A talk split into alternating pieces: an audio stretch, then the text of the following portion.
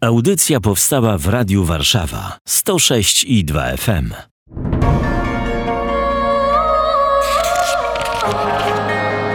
Księga. Księga. Księga. Niedzielne czytania biblijne rozważają ksiądz Łukasz Turek i Paweł Kęska. Niech będzie pochwalony Jezus Chrystus. Na wieki wieków. Amen. Dziś w pierwszym czytaniu będzie mowa o prawie i o sprawiedliwości. Prawo prawem, sprawiedliwość sprawiedliwością, a miłosierdzie miłosierdziem. tak czy nie? Jak najbardziej. Cokolwiek by się nie działo, to zawsze miłosierdzie Boże jest nam bardzo potrzebne, a wszystko, co Pan Bóg do nas mówi, wszystko, do czego nas wzywa, do czego nas zaprasza, wynika z Jego wielkiego miłosierdzia, ponieważ pragnie prostować ścieżki naszego życia, pragnie wyprowadzać nas z naszych grzechów i nieszczęść, których mamy tak dużo, że nie ogarniamy tego wszystkiego. Więc potrzebujemy Bożego miłosierdzia. A co to jest jakaś amnestia powszechna? Na czym to polega? Yy, amnestia powszechna, miłosierdzie została nam dana w momencie, kiedy Pan Jezus za nas umarł i zmartwychwstał. Mamy wszystko przebaczone, wszystko jest już objęte całkowitą amnestią. Jedyne, co trzeba zrobić, to przyjść i przyjąć. Amen. Można by tu skończyć w zasadzie, ale, ale to dopiero początek. Pierwsze czytanie to czytanie z księgi proroka Izajasza, rozdział pierwszy, wers od 6 do 7.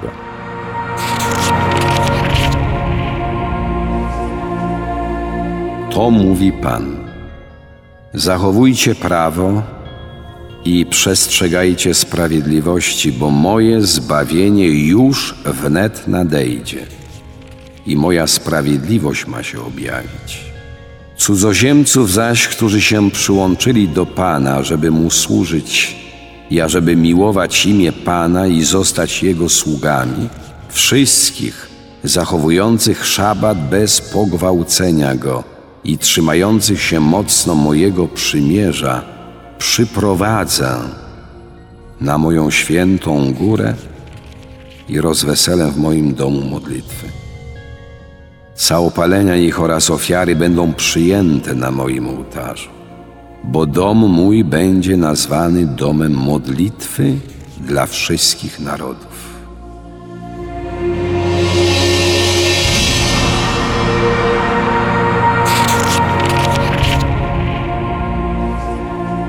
Pisze Izajasz tak, będąc głosem Boga. Dom mój będzie nazwany domem modlitwy dla wszystkich narodów. Jak byłem kiedyś w świątyni jerozolimskiej, to tak mniej więcej było. Ale czym w tym kontekście jest modlitwa? Co to znaczy domem modlitwy? Co my tam mamy robić w tej świątyni?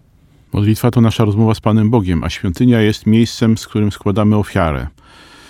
Tutaj ciut wyżej jest napisane, że całopalenia ich oraz ofiary będą przyjęte w moim ołtarzu, bo dom mój będzie nazwany domem modlitwy dla wszystkich narodów. My mamy składać Panu Bogu ofiarę ze swojego życia, ofiarę uwielbienia. Pan Bóg chce, żebyśmy mu ofiarowywali siebie, samych siebie, całe nasze życie, takim, jakim ono jest. Wszystko to, co się w naszym życiu dzieje. Nie tylko rzeczy chwalebne, piękne, które najczęściej chętnie byśmy Panu Bogu oddali, e, ale Bóg chce przyjąć od nas, nas samych takimi, jakimi jesteśmy z całą rzeczywistością naszego życia, która domaga się wręcz, pragnie, pożąda Bożego miłosierdzia, przyzywa Bożego miłosierdzia. Najbardziej Bogu zależy na tym, żebyśmy my zdecydowali się przyjść do Niego i złożyć Mu w ofierze samych siebie, całą tą nędzę naszą, cały nasz grzech, wszystko to, co nas przygniata, to, co nas niszczy, żeby On mógł wylać na to swoje miłosierdzie. Czy my, Polacy, tak powiem, Słowianie, jesteśmy tymi cudzoziemcami, którzy się przyłączyli? Czy to jeszcze ma sens w ogóle po, po ofierze Jezusa, takie myślenie? Ma, chociaż to jest takie patrzenie, powiedział, bardziej historyczne, tak? No my żeśmy się przyłączyli jako, jako Słowianie w roku 966, kiedy był chrzest Polski. E, wtedy żeśmy się przyłączyli. No, ale każdy z nas indywidualnie przyłącza się do Pana Boga, kiedy wchodzi z Nim w świadomą relację. Tak naprawdę myślę, że większość z nas, którzy teraz tego y, słuchamy i to słowo rozważamy, większość z nas jest w stanie pokazać takie miejsce w swoim życiu, taki moment, taki czas, kiedy był cudzoziemcem w relacji do Pana Boga, kiedy go nie znałem. Nawet jeżeli rodzice wychowywali mnie w wierze w miarę przyzwoicie, wypełniając swoje zobowiązania, które złożyli w czasie Chrztu Świętego, to tak czy inaczej bardzo często jest to przekazanie nam pewnego rytu, pewnej tradycji, pewnej pobożności, pewnych rzeczy, które wynikają bardziej y, z pewnej praktyki modlitewnej, byśmy powiedzieli praktyk religijnych, niż doświadczenia Pana Boga. Stajemy się domownikami Pana Boga wtedy, kiedy rozpoznajemy Go obecnego w naszym życiu żywego i prawdziwego i uznajemy, że rzeczywiście On jest tym, na którego czekaliśmy, On jest tym, którego pragnie nasze serce, On jest tym, który jest w stanie zaspokoić wszystko we mnie, to co jest y, stęsknione, co jest złaknione, co jest wypuszczone, co jest wyschnięte, bo On jest źródłem życia. I w tym momencie staję się domownikiem Pana Boga. Mówię, Boże, ja chcę z Tobą żyć, zależy mi na Tobie, przyjdź do mnie, weź moje życie w swoje ręce. Jestem cudzoziemcem, czyli moje stopy stoją na cudzej ziemi, na innej ziemi, tak jakbym podlegał innemu prawu. Być może sam je stworzyłem, a być może je przyjąłem. Myślę, że bardzo łatwo być cudzoziemcem. Myślę, że wiele jest takich sytuacji, w których dzisiaj y, ludzie wychodzą z ziemi Bożej na tą ziemię obcą. To można szybko sobie w głowie to poukładać, na jakiej ziemi teraz stoję. Odpowiadając na pytanie, jakie prawo zachowuję, komu służę, czy nauka Jezusa jest dla mnie autorytetem, czy jest dla mnie normą obiektywną, czy jest dla mnie ważna, najważniejsza, czy dla niej chcę poświęcić wszystko inne. W ogóle wiara, miłość do Pana Boga stwierdzana jest przez nas w ten sposób, że patrzę, czy ja zachowuję Jego naukę. Jezus mówi, jeżeli mnie miłujecie, będziecie zachowywać moją naukę. Więc jeżeli chcę zobaczyć, czy stoję na ziemi Bożej, czy jestem domownikiem w domu, czy jestem na ziemi cudzej, obcym jestem, cudzoziemcem, to jaki jest mój stosunek do tego, czego Jezus mnie uczy? Cze, jaki jest stosunek do tego, to trzeba jasno powiedzieć, czego uczy mnie Kościół? Bo to jest tożsame. Bo czasami są takie pokusy, albo nawet bardzo często bym powiedział, że ja jestem w stanie uznać Pana Boga, Jezus tak, Kościół nie ten rozdział wynika takiego jasnego, takiego bardzo jawnego niezrozumienia tego, czym jest Kościół i jakie jest posłannictwo Kościoła. Kościół nie głosi w sprawach wiary i moralności niczego, czego nie głosiłby Bóg, czego nie głosił Jezus. Tak więc to przez Kościół Jezus daje mi swoją naukę, daje mi swoje przykazania, daje mi swoją Ewangelię. Czy ja zachowuję tą Ewangelię, która jest mi głoszona, czy też nie? Mogę być też człowiekiem w drodze, mogę walczyć o to, aby stać na ziemi Bożej, albo jedną nogą stać na ziemi Bożej, a drugą nogą stać na, na ziemi pogańskiej. I może mnie rozrywać po prostu na kawałki i szamoczę się, a mogę też e, iść w stronę pogaństwa, mogę wracać. Prawda. Człowiek to jest podróżnik też. Tak, no póki żyjemy, jesteśmy w drodze. Dlatego mówimy o sobie tutaj na ziemi, że jesteśmy kościołem pielgrzymującym. E, I oczywiście ideałem by było, gdybyśmy szli drogą wyznaczoną nam przez Jezusa, którą sam Jezus jest, ale wiemy, że w praktyce to jest tak, że często spaczamy na manowce, idziemy krzaczory i potem musimy wracać, często poranieni. Więc to jest y, prawda. Natomiast ważne jest to, co jest w moim sercu i jaki ja sobie jednak mimo wszystko, pomimo wszystko, y, ustawiam azymut. Czego ja chcę? Jaki jest cel? Bo jeżeli ja będę pamiętał, że celem moim jest dojść do Boga, dojść do zjednoczenia z Jezusem, dojść do nieba, to nawet jeżeli okresowo będę wchodził na ziemię cudzą, jeżeli dam się zwieść różnego rodzaju demonom z drogi, która prowadzi do Boga, to jednak będzie we mnie pragnienie powrotu i tym samym y, zdolność do przyjęcia tej łaski nawrócenia. O powrotach dziś, o tym, na jakiej ziemi stoję, y, będziemy między innymi rozmawiać. A za chwilę przeczytamy fragment z listu świętego Pawła Apostoła do Rzymian.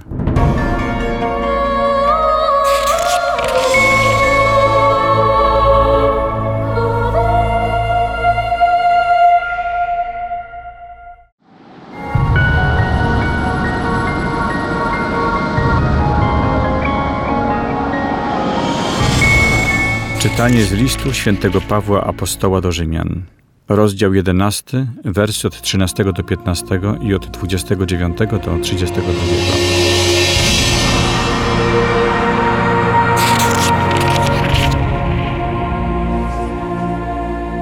Bracia, do was pogan mówię, będąc apostołem pogan przez cały czas chlubię się posługiwaniem swoim w tej nadziei, że może pobudzę do współzawodnictwa swoich rodaków i przynajmniej niektórych z nich doprowadzę do zbawienia. Bo jeżeli ich odrzucenie przyniosło światu pojednanie, to czymże będzie ich przyjęcie? jeżeli nie powstaniem ze śmierci do życia. Bo dary łaski i wezwanie Boże są nieodwołalne. Podobnie bowiem jak wy niegdyś byliście nieposłuszni Bogu. Teraz zaś z powodu ich nieposłuszeństwa dostąpiliście miłosierdzia. Tak i oni stali się teraz nieposłuszni z powodu okazanego wam miłosierdzia, aby i sami w czasie obecnym mogli dostąpić miłosierdzia. Albowiem Bóg poddał wszystkich nieposłuszeństwu, aby wszystkim okazać swe miłosierdzie.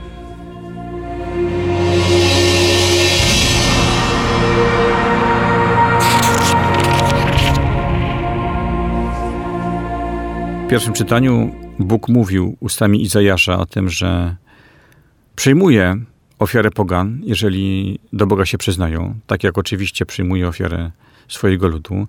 A tutaj święty Paweł mówi, że Bóg poddał wszystkich nieposłuszeństwu, aby wszystkim okazać miłosierdzie. Dziś mówimy o miłosierdziu i to dotyczy wszystkich, tych, którzy są przy samym ołtarzu i tych, którzy są obydwoma nogami na ziemi pogańskiej. Tak, cudzej. tak. Dokładnie. No, Bóg zgodził się na to, żebyśmy wszyscy zostali poddani e, nieposłuszeństwu, bo dał nam wolną wolę. I w związku z powyższym przewidział, swojej wszechwiedzy wiedział o tym, że my tą dobrą wolę, że my tą wolną wolę wykorzystamy źle. Co stało się naszym udziałem w pierwszej kolejności w osobie naszych rodziców, pierwszych przodków Adama i Ewy, ale tak naprawdę, co też wielokrotnie realizuje się w naszym życiu, przez nasze osobiste, prywatne nieposłuszeństwo Panu Bogu. I to, I to całe nasze nieposłuszeństwo już od samego początku przyzywało Bożego miłosierdzia. Bo miłość Boga w stosunku do nas jest niesamowita, jest, jest nieodwołalna. Tak jak to wybraństwo Izraela jest nieodwołalne, tak samo miłość Boga w stosunku do nas jest nieodwołalna. Nic nie jest w stanie miłości Pana Boga od nas odwrócić. Nawet największa nasza nędza, największy grzech, największa słabość nie jest w stanie Pana Boga zniechęcić do nas, bo kocha nas tak naprawdę im bardziej my tej miłości potrzebujemy, im bardziej jesteśmy poranieni, im bardziej zanurzeni w grzechu, w bagnie, tym bardziej Bóg nas kocha i pragnie nas wydobyć z tej rzeczywistości. I dlatego pierwsza odpowiedź Pana Boga po grzechu pierworodnym to jest zapowiedź Mesjasza. To jest już głoszenie nam wtedy Ewangelii, czyli dobrej nowiny. Przyjdzie ten, który to wszystko naprawi, to żeście wy w tym momencie rozwalili. I dlatego Pan Bóg wszystkim okazuje miłosierdzie, że łaska odkupienia, która przychodzi przez Jezusa Chrystusa, jest propozycją dla każdego człowieka, bez względu na to, w jakim, na jakim kontynencie, w jakim czasie, w jakiej kulturze, w jakiej religii się urodził, wychował, to miłosierdzie Boże jest dla każdego. Miłosierdzie Boże, tak sobie wyobrażam, to miłosierdzie jako miłość między osobami, czy też stronami, które y, są jakby nieproporcjonalne. To nie jest miłość równych. My nie jesteśmy równi Bogu, żebyśmy mieli jak odpowiedzieć miłością. Mhm. Dlatego to Jego miłosierdzie jest miłością mimo naszej słabości. Tak, yy, a nawet bym powiedział miłością ze względu na naszą słabość. Ponieważ miłosierdzie Boga jest odpowiedzią na nasz grzech, który my Mu oddajemy. Właśnie tu jest ta cała tajemnica. Bóg wszystkim okazuje miłosierdzie, ale niestety nie wszyscy to miłosierdzie przyjmują. Ponieważ przyjąć miłosierdzie to znaczy zgodzić się na to, że jestem grzesznikiem, uznać prawdę o swoim grzechu, uznać swoją bezradność wobec tego grzechu, które popełniam, wobec wszystkich konsekwencji grzechu, które mnie dotknęły w moim życiu i mnie niszczą, uznać, że jestem wobec tego bezradny i mówię, przychodzę do Pana Boga i mówię, Boże, ratuj mnie. Ratuj mnie, ponieważ ja już nic nie jestem w stanie z tym wszystkim zrobić. I Bóg wtedy wylewa całe miłosierdzie na mnie. Uznać, że jestem cudzoziemcem, tak jak stał się nim syn marnotrawny czasami się to wiąże właśnie z takim totalnym upadkiem, takim unurzeniem się w błocie, w bagnie, u korycie ze, w korycie ze, przy korycie ze świniami, prawda, z pragnieniem, żeby żywić się tym, czym się te świnie żywią i też by, będąc tego pozbawionym. Czasami to jest takie dotknięcie dna, jak to się mówi czasami, żeby się mieć od czego odbić. Ale Bóg też takie sytuacje dopuszcza właśnie po to, żeby pomóc nam dźwignąć się z tej rzeczywistości i, i podjąć tą decyzję. Wracam, wracam do Ojca, wracam do domu. Ale bywało tak nieraz, że święci, którzy, których dziś uznajemy za świętych i Kościół ich uznał za świętych i wierzymy, że są u Boga, widzieli siebie jako najgorszych, jako ostatnich. To było tak pewnie niesłychanie głębokie doświadczenie tego, że y, jestem pustką, a Bóg może mnie wypełnić i nie ma nic poza tym. Czyli jestem, nie mogę sobie tej ziemi przewłaszczyć. Tak jakbym był zawsze cudzoziemcem. Im bardziej nim jestem, tym bardziej Bóg może mnie napełnić sobą. Tak, to doświadczenie grzeszności, którą mieli ci wielcy święci, na przykład taki Jan Maria Wianej, to chyba takim, takim koronnym przykładem, który do samego końca był przekonany co do tej swojej małości i słabości, rodzi się w człowieku, który jest świętym, właśnie w zetknięciu świętością Pana Boga. I tak naprawdę, jak popatrzymy sobie na życie duchowe świętych patronów naszych, których czcimy, to im bliżej byli Boga, tym częściej się spowiadali, tym więcej widzieli swoich grzechów. I ja nie mówię tutaj o grzechach takich, jakie my popełniamy, często sprawy poważne, nawet grzechy śmiertelne, prawda? ale oni grzechami nazywali te rzeczywistości, na które my dzisiaj nie zwracamy najmniejszej uwagi, bo uważam, że to jest coś absolutnie normalnego. Zetknięcie się ze świętością Boga pokazywało im każdą, nawet najmniejszą niedoskonałość wobec tej świętości w nich samych i dlatego rodziło się w nich to poczucie właśnie swojej grzeszności i takiego pragnienia, żeby to wszystko jeszcze bardziej oddać Bogu, żeby być jeszcze bardziej do Niego podobnym. Bo dary łaski i wezwanie Boże są nieodwołalne. Oczywiście Paweł mówi o Izraelitach, ale przecież skoro jest Kościół i my ochrzczeni, jeśli ci, którzy słuchają tej audycji są, a pewnie prawie wszyscy są, ktoś może słuchać nieochrzczony, to naszym powołaniem jest bycie z Bogiem w niebie. To jest nieodwołalne. Nieodwołalny. Plan wobec Pana Boga również jest nieodwołalny. On chce nas mieć u siebie w niebie, przygotowuje nam mieszkanie, chce przyjść powtórnie, zabrać nas do siebie, żebyśmy byli tam, gdzie On jest. Bóg nas stworzył dla siebie. Ja to często powtarzam. Bóg nas stworzył dla relacji ze sobą i to jest nieodwołalne. Ten plan Boży nigdy się nie zmieni. Ten zamiar Pana Boga w stosunku do nas nigdy się nie zmieni to my jesteśmy w stanie to zniweczyć, jeżeli się uprzemy, żeby z tych Bożych dróg zejść, żeby wyjść poza zakres jego, zasięg Jego oddziaływania, chociaż nie ma takiego miejsca, ale przynajmniej w moim sercu odizoluję się od Pana Boga, powiem, będę żył jak mi się podoba, to jest dramatyczna, dramatyczna sytuacja. Mam do tego prawo, jest taka możliwość. Ale tak naprawdę Bóg nigdy ze mnie nie zrezygnuje i póki ja będę tutaj na ziemi żył, ostatni oddech się we mnie kołatał, Bóg będzie o mnie walczył na wszelkie możliwe sposoby, żebym mu powiedział tak, Chcę przyjąć Twoje miłosierdzie, chcę być z Tobą, chcę być zbawiony. Za chwilę przeczytamy fragment z Ewangelii według świętego Mateusza.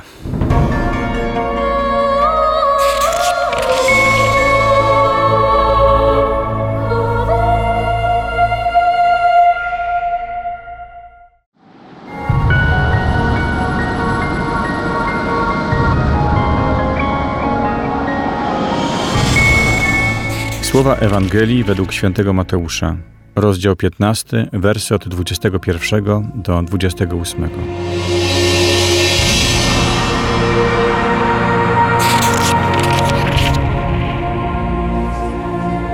Jezus podążył w stronę Tyru i Sydonu. A oto kobieta kananejska, wyszedłszy z tamtych stron, wołała: Ulituj się nade mną, Panie, synu Dawida. Moja córka jest ciężko dręczona przez złego ducha. Lecz on nie odezwał się do niej ani słowem. Na to zbliżyli się do niego uczniowie i prosili: Odpraw ją, bo krzyczy za nami. Lecz on odpowiedział: Ja jestem posłany tylko do owiec, które poginęły z domu Izraela.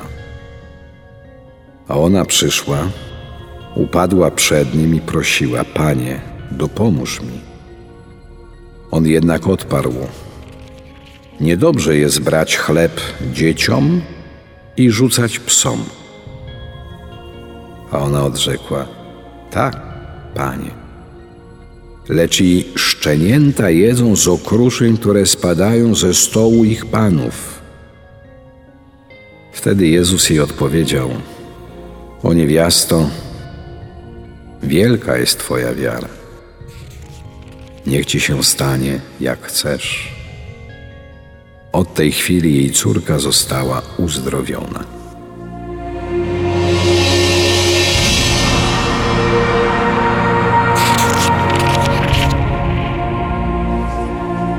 Jezus Przemierza Izrael wzdłuż i wszerz.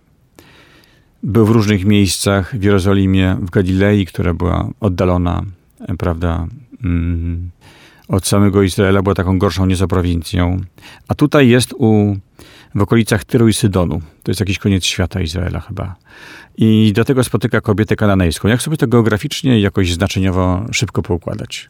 Te ziemie, o których tutaj mowa, to są na północ od Izraela, nad samym morzem, ziemie Fenicjan. y, W ogóle pamiętajmy o tym, że Izraelici nie weszli do ziemi pustej.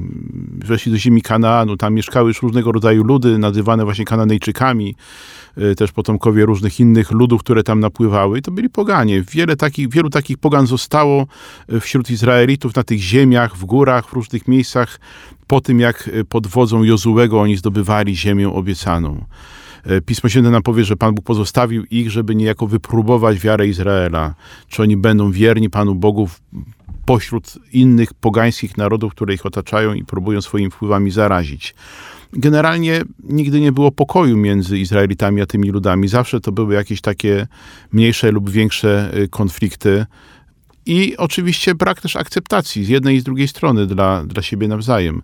Tym bardziej, że Izraelici traktowali swoją wiarę w sposób ekskluzywny. Uważali, że oni są wybrani, jedyni, najwspanialsi, a wszyscy wokół, no to w takim razie właśnie ci, z którymi nie warto mieć do czynienia, na których nie warto nawet zwracać uwagi. Może to daleko posunięta interpretacja, ale w, w człowiek ochrzczony, ba, może nawet oddał życie Jezusowi, jak był jeszcze w oazie w liceum. I pewne rzeczy robi jak przykazano, do kościoła chodzi w niedzielę, ale pewne rzeczy zostały pogańskie, głęboko może pogańskie. Nie wiem co, hazard, jakieś e, relacje nieuporządkowane, jakaś rzecz, która się nigdzie, nigdy we mnie nie nawróciła. I teraz mnie Nadmierne przywiązanie do różnego rodzaju spraw, prawda, rzeczy. I teraz mi to przybija kołkiem do ziemi. Całe życie jest y, drogą, w czasie której my będziemy oddawali swoje życie Panu Jezusowi, nawet jeżeli po raz pierwszy to zrobiliśmy na etapie oazy i szkoły podstawowej czy średniej. Y, ja to często mówię, że to nasze oddawanie życia, życia Panu Jezusowi to bardzo często wy, wygląda w ten sposób, że ja mówię głośno, Panie Boże, Panie Jezu, uznaję, że Ty jesteś jedynym Panem mojego życia, a w swoim sercu za chwilę mówię, ale ja też. I teraz te wszystkie przestrzenie, w których ja mówię, ja też jestem Panem swojego życia, Mamy dwóch panów teraz. no tak, jest dwóch panów, no a dwóm panom nikt nie może służyć, co nam Pan Jezus sam mówi. W związku z tym On mi pokazuje przez całe moje życie przestrzenie, które nie zostały Mu podporządkowane, nie zostały Mu poddane i pokazuje mi je po to, żebym uczył się Mu je oddawać. Bo to poganka woła. Ona woła słusznie. My czasem giniemy w życiu, czasem naprawdę giniemy, czasem zdrowotnie mamy raka, czasem jest jakaś inna sytuacja, czasem nasi bliscy, dzieci. My naprawdę giniemy. I być może wtedy nam ciężko wołać jako przekonani katolicy, którzy przecież chodzą do kościoła, więc jęczymy po prostu jak ludzie, którzy tracą grunt pod nogami. I czasami się tak skupiamy na narzekaniu i na rozważaniu swojego nieszczęścia, że nie dostrzegamy mocy Boga, która jest w nas. Boga, który w nas mieszka. To też ostatnio bardzo mocno do mnie dotarło, że, że my i to na ostatnim kongresie Odnowy w Duchu Świętym, który był w maju, główny mówca mówił o tym, że, że my Polacy jesteśmy tacy smutni i generalnie nieszczęśliwi i niezadowoleni, my Polacy, katolicy, chrześcijanie, ponieważ my tak naprawdę nie wiemy, kto w nas mieszka. Nie wiemy, kogo, kogo mamy w sobie. Nie wiemy, że, że mamy moc Boga, że mamy Ducha Świętego, że jesteśmy świątynią Boga. I stąd nasze właśnie takie narodowe, bym narzekanie, ale też prywatne, moje, Turka, narzekanie w sytuacji, w której przygniata mnie rzeczywistość, bo zapominam o tym, kogo w sobie mam i kto jest moim Zbawicielem. I ten Zbawiciel, kiedy my tak wołamy do Niego być może, to mm, nie robi cudu od razu. Yy, Być może uczniowie, którzy są z Nim, mówią w ogóle nie rozmawiaj z Nim. Przecież to, jest, to nie jest nasz człowiek. To jest y, mieszkaniec Tyru i, Tyru i Sydonu, przepraszam, to, to niech idzie sobie do Tyru i Sydonu teraz, jak ma problem. No tak, patrząc się na, na, na, na tą syrofenicjankę, czy właśnie mieszkankę Tyru i Sydonu, która dziś jest taką piękną bohaterką, możemy zobaczyć w niej być może siebie, zwłaszcza wtedy, kiedy mamy poczucie, że Pan Bóg właśnie nie odpowiada na moje prośby tak, jak ja tego bym chciał. Tak, milczał, tu jest napisane. Tak, wręcz milczał, tak? Yy, nic nie mówi, nie reaguje. Wydaje się, że Bóg mnie opuścił. Zobaczmy reakcję tej kobiety, która no, nie daje się spławić.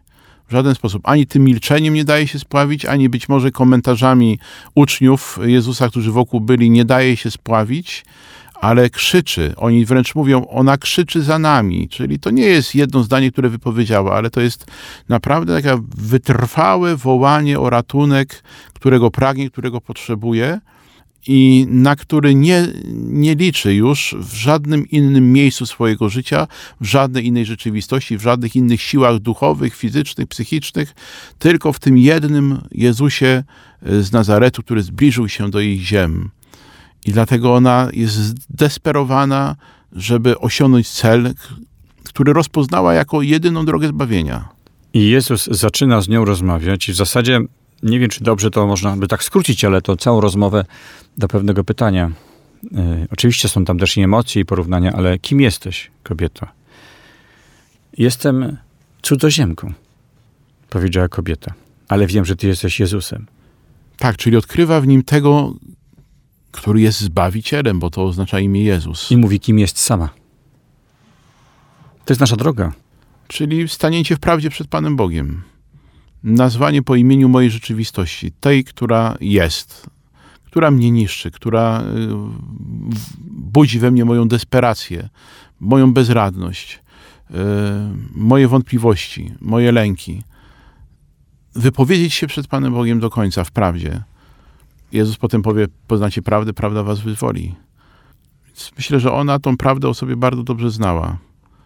I widzi, jakie jest jej miejsce też tam, nawet w stosunku do y, tego narodu wybranego. Ona zdaje sobie sprawę, że nie należy do tego ludu, nie należy do tego narodu. Ale jest w niej jakaś taka wielka wiara, że mimo, że do tego ludu nie należy, y, przez fakt urodzenia, prawda, zawarcia przymierza, to może stać się jego częścią przez tego właśnie człowieka, w którym rozpoznaje Zbawiciela swojego. To może być też nasza modlitwa, prawda. Ja sądzę, że prawda może być modlitwą. No bo co, co możemy Bogu ofiarować, jak nieprawda sobie samych, kiedy staję przed Nim i mówię, no tak, y, Boże, teraz stoję na obcej ziemi, jestem cudzoziemcem. Patrzę w Twoją stronę, nawet nie wiem, jak mam iść. Mapy nie mam. Jestem cudzoziemcem, nie? Ale e, ratuj boginę. To jest bardzo dobre porównanie, bardzo dobra y, myśl. My czasami myślimy sobie, że Pan Bóg oczekuje od nas y, jakichś rzeczy wzniosłych, jakichś takich rzeczy wielkich, jakiejś naszej pobożności. Czasami próbujemy wręcz zasłużyć sobie u Pana Boga na Jego względy, tym, że mm, specjalne praktyki modlitewne podejmiemy, pokuty podejmiemy, jakąś pielgrzymkę odbędziemy, różnego rodzaju inne mamy pomysły na to, jak pozyskać sobie łaskawość i miłosierdzie Pana Boga. Jak się poczuć lepiej. No to, to przy okazji też, y, ale kiedy już ja się chcę przez to poczuć lepiej, to tak naprawdę ja Pana Jezusa nie potrzebuję ale wiele w nas jest takiego targowania się z Panem Bogiem, handlu, próby handlu z Nim, że ja, Panie Boże, dam Tobie to, to Ty daj mi w zamian to. I my w tym momencie zapominamy o tym, że u Pana Boga mamy wszystko za darmo, a zwłaszcza Jego miłosierdzie jest za darmo. Że my nie jesteśmy w stanie na nie zasłużyć, nie jesteśmy w stanie go sobie kupić. Zbawienia nikt z nas nie kupi bo cena jest zapłacona taka, której nikt nigdy z, z, ludzi nie byłby w stanie zapłacić. Dlatego Jezus ją płaci i dał nam to swoje zwycięstwo i całe miłosierdzie, które jest owocem tego zwycięstwa za darmo. Tylko mówi, przyjmij je tak, jak ja ci je daję. Czyli no nie próbuj ode mnie tego kupować, nie próbuj grać przede mną kogoś, kim nie jesteś. E, bądź szczery, bądź sobą. Czyli nie próbuj mnie przekupywać i umieć ładnych, okrągłych słówek, tylko powiedz mi właśnie prawdę. Jaka jest prawda?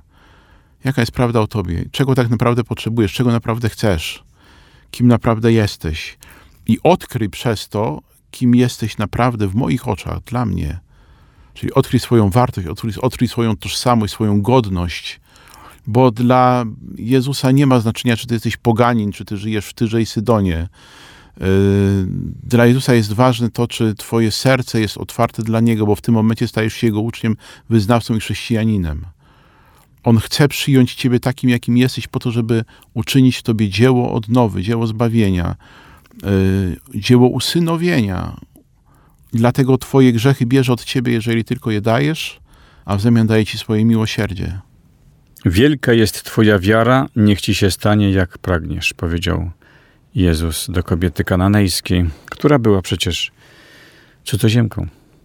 Czyli dla Jezusa nie jest problemem to, skąd pochodzisz, jaka, jakie jest twoje miejsce dzisiaj na ziemi. I że wiarę może mieć nie tylko ten, kto stoi nogami twardo e, w świątyni. Tak jest. Ponieważ wiara jest zawsze łaską Pana Boga. To Bóg jest dawcą da wiary i potrafi tą wiarę dać człowiekowi w, jednym, w jednej chwili, przez jedno spotkanie, jedno wydarzenie, jedno słowo. I człowiek nawet nie jest w stanie odpowiedzieć jak.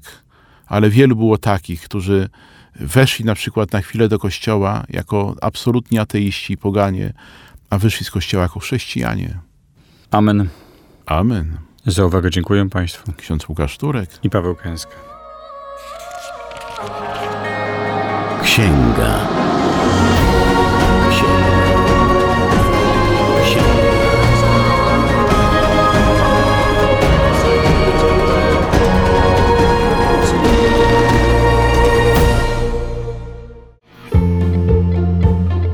Radio Warszawa tworzy program dzięki wsparciu finansowemu słuchaczy.